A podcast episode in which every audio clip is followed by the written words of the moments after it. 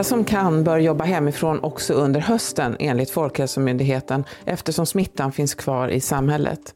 En grupp som inte kommer att kunna göra det är lärarna i Sverige som nu i veckan, då blomstertiden har blommat ut och sommarlovet har sjungit sista versen, går tillbaka till fysisk undervisning. Skolorna öppnar allihop. I andra länder vacklar man om skolöppningarna. Är det klokt att gå i skolan? Välkommen till Studio DN. Jag heter Sanna Thorén Björling.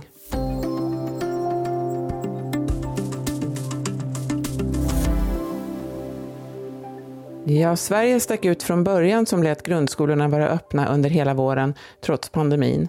Nu öppnar även gymnasier och universitet för vanlig undervisning, om än med vissa förändringar och ibland delvis på distans. I många länder är oron stor för vad som ska hända när skolorna öppnar. Risken är med att smittspridningen ökar och att elever som drabbats lindrigt för smittan vidare till mer sårbara personer, inte minst genom resorna till och från skolan ställs mot de negativa konsekvenserna av att hålla barn och unga från utbildning och vardag. Lina Lund, DNs korrespondent i Berlin och Mikael Delin, reporter i Stockholm, har båda skrivit om skolöppningarna. Om vi börjar i Sverige. Eh, Mikael, hur låter Folkhälsomyndighetens förklaring till att låta alla skolorna öppna? Ja, i Folkhälsomyndighetens fall så handlar det ju mest om gymnasieskolorna då såklart. Det är där vi ser en förändring. Och eh, det man säger är väl att för det första så har man inte sett någon stor smittspridning bland de lärare som har jobbat.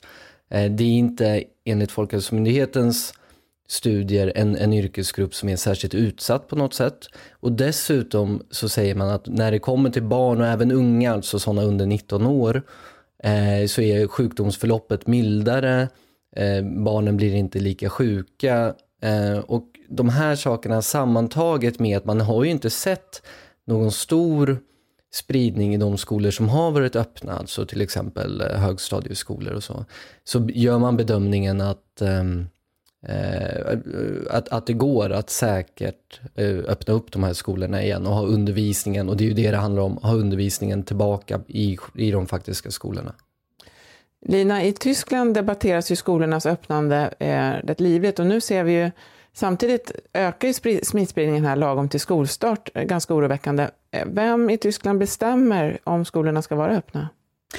Det är ju eh, delstaterna i Tyskland som ansvarar för utbildningspolitiken. Det finns 16 olika och därför så eh, har man också ganska olika regler över landet, vad som nu gäller när skolorna öppnar efter sommarlovet. Eh, man har försökt att enas på riksnivå i Tyskland, eh, men det har mynnat ut i att det gäller ganska olika regler och rutiner nu över landet.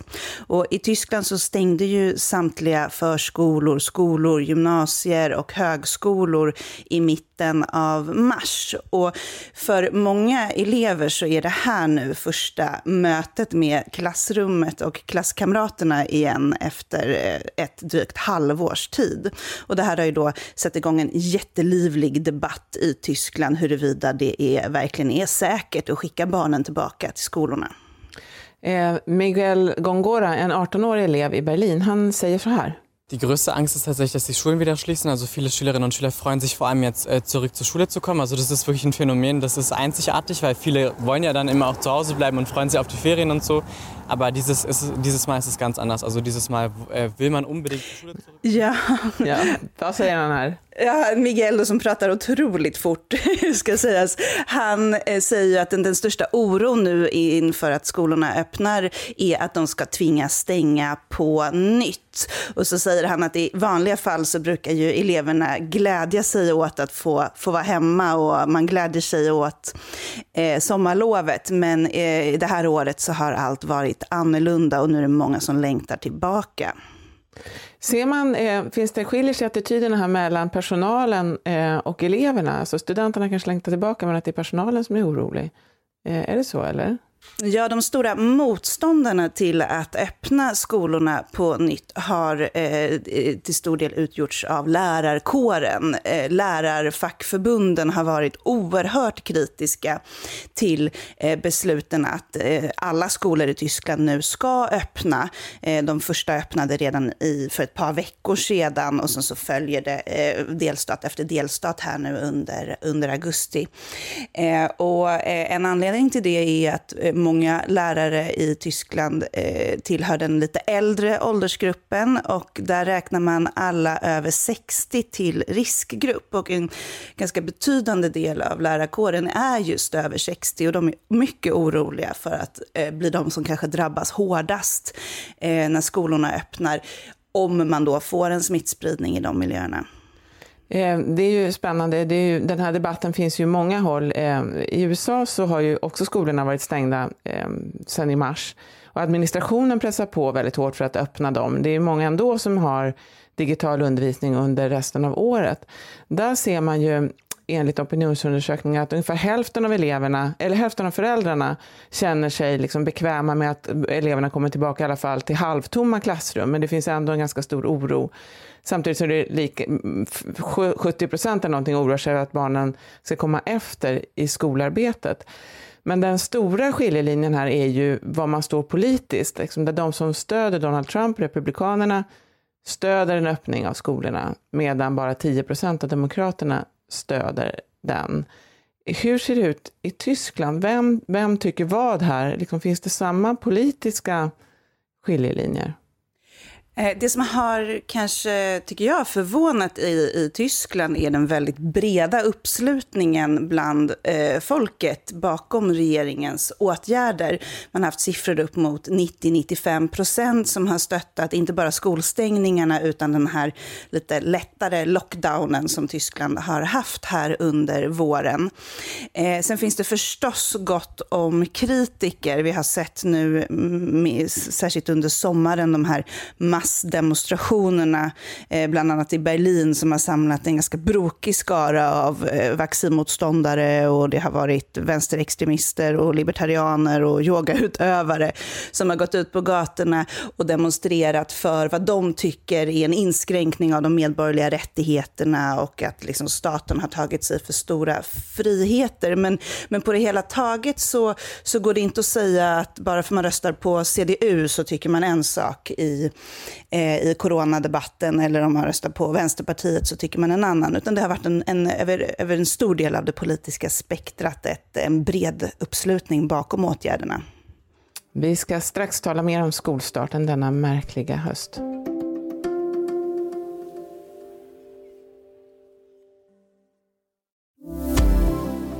Ja, nu börjar skolorna att öppna den här veckan. Eh, de flesta lärare verkar ju även i Sverige vara rätt så positiva, men det finns en viss oro. Vad, vad säger lärarna som du har pratat med, Mikael Delin?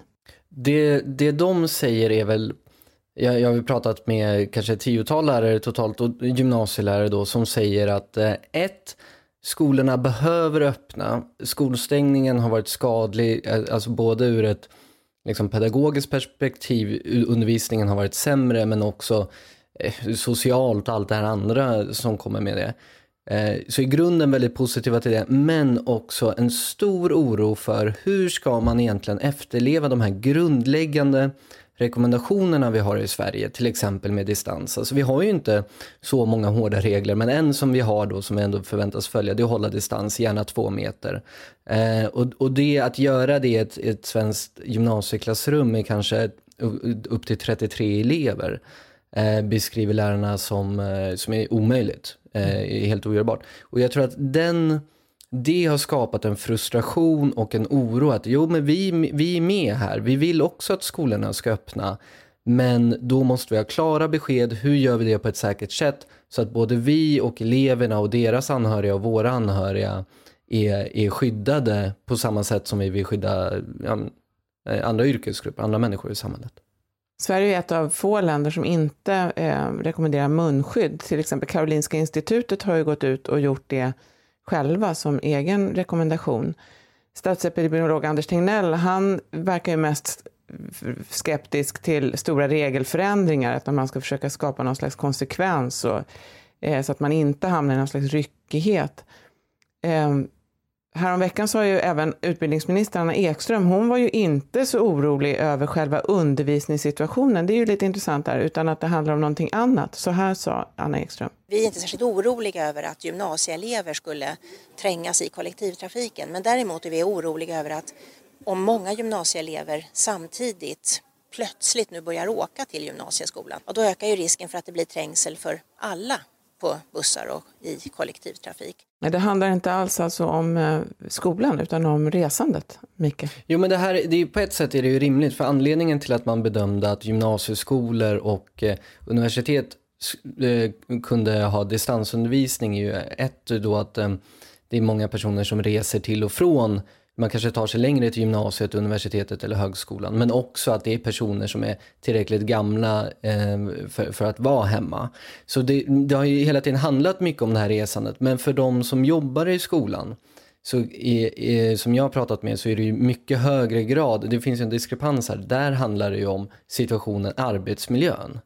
Alltså det, de, de säger att ja, men busschaufförer skyddar vi med plexiglas eller Eh, eller så, men vi har inte munskydd och vi, vi förväntas liksom att interagera med eleverna som vanligt. Så det finns ju en skillnad där och det ska man ju säga att det här är förändlig eh, materia. Skolorna har inte öppnat ännu men kommer göra det snart. Det är ju inte omöjligt att det kommer eh, nya riktlinjer och även lokalt. Vi har ju sett i Göteborg till exempel att man nu har gått ut med rekommendationer där kring eh, att skolorna ska starta vid lite olika tillfällen och så. Mm. Eh, just för att bemöta det här. Så vi får se. Om jag får flika in bara från Tyskland så har man ju vidtagit liksom, eh, hela kataloger med olika säkerhetskoncept som anger eh, i detalj hur man ska lyckas hålla avstånd i klassrummen. Eh, man har halvdagsklasser, man ser till att elever från olika klasser inte möter varandra eh, på rasterna. Ehm, man ser till att eh, man börjar vid olika tidpunkter på dagen och man har noggranna vädringsscheman som anger hur ofta luften i klassrummet måste bytas ut. Och till det så har man också krav på eh, munskydd i korridorer, trapphus och andra gemensamhetsutrymmen eh, i de allra flesta skolor i landet. Och det här bestäms lokalt då förstås? Det bestäms i delstaterna och ibland kan det också variera från skola till skola. Så i, i Nordrhein-Westfalen som är den folkrikaste tyska delstaten med ungefär 20 miljoner invånare, där måste elever eh, i de lite äldre klasserna, i även i grundskolan, eh, ha munskydd även i klassrummet under undervisningen. Medan exempelvis i Berlin så, så räcker det med att ha det i korridorer och trapphus. Men det där är jätteintressant, får jag bara säga det, att i, i, i Sverige så är det ju mycket huvudmännen då, alltså det är ju kommuner och fristående skolor. Och där till exempel Academedia då, som är ju Sveriges största friskolekoncern, 140 plus gymnasieskolor runt om i, i landet, de, de pratar om att göra exakt så att ha eh, kanske att 20 procent av eleverna är borta borta varje dag på gymnasieskolorna. Det är ett sätt att bemöta det, för då kommer man ner i andel elever då kanske man har 80% av eleverna är på skolan samtidigt. Det öppnar upp mer utrymmen, man kan liksom, eh, eh, kanske folk äter vid olika tillfällen så. Så det är ju inte så att eh, skolorna i Sverige är, bara står helt och inte gör någonting, men det kommer antagligen bli olika lösningar och olika kreativa lösningar så att säga. Eh, det vore intressant att höra Lina, kan du se någonting i Tyskland om att man sneglar på hur Sverige har gjort som ju har haft skolorna öppna? Ser, man, mm. ser du någonting om det? Eh, tyskarna har ju tittat väldigt noga på hur Sverige har agerat under hela den här pandemin i en mängd olika frågor. Vi har ju valt en, eh, en delvis annan väg än Tyskland och eh, har ju varit ett av ytterst få länder som faktiskt hållit grundskolor öppna. Och det har väckt stor uppmärksamhet i Tyskland, både bland de som tycker att Sverige har varit modiga och gjort rätt, att man har satt liksom, barnens rätt till utbildning ordning i första rummet. Men kanske ännu mer bland de som har uppfattat det som ett oansvarigt, farligt, vågat experiment att liksom låta barnen få, eh, få fortsätta leva som vanligt. Eh, och Eh, en av de som har varit kritiska till, inte Sveriges beslut att hålla skolorna öppna, men den kanske missade chansen, som han uttryckte det, att testa lärare och elever är eh, Tysklands liksom, toppvirolog Christian Drosten, som är chef för eh, det virologiska institutet på Charité-sjukhuset i Berlin och som också är regeringens rådgivare. Han menade på att här hade Sverige en unik chans att faktiskt på plats i ordentliga studier ta reda på hur eh, elever och barn eh, bär smitta, men menar på att det har man inte gjort.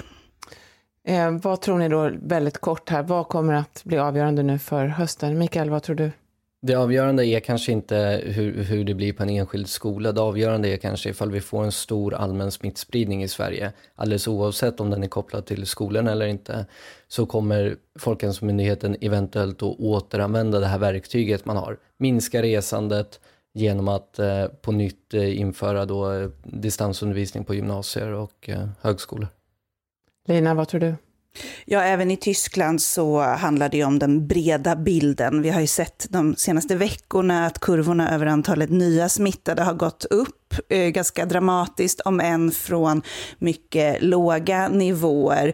Och eh, är det så att eh, antalet smittade fortsätter att öka och det också blir en tillströmning till sjukhusen, då är det många som räknar med, inte kanske en total lockdown, men eh, att det blir nya kraftiga restriktioner och att, att skolorna kan bli eh, bland de första som får stänga. Den här debatten finns ju över hela världen. Tack så jättemycket Lina Lund och Mikael Delin. För ljudillustrationerna stod AP och Expressen. Studio DN görs av producent Sabina Marmelakai, exekutiv producent Augustin Erba, ljudtekniker Patrik Miesenberger, teknik Jonas Lindskov, Bauer Media. Jag heter Sanna Thorén Björling.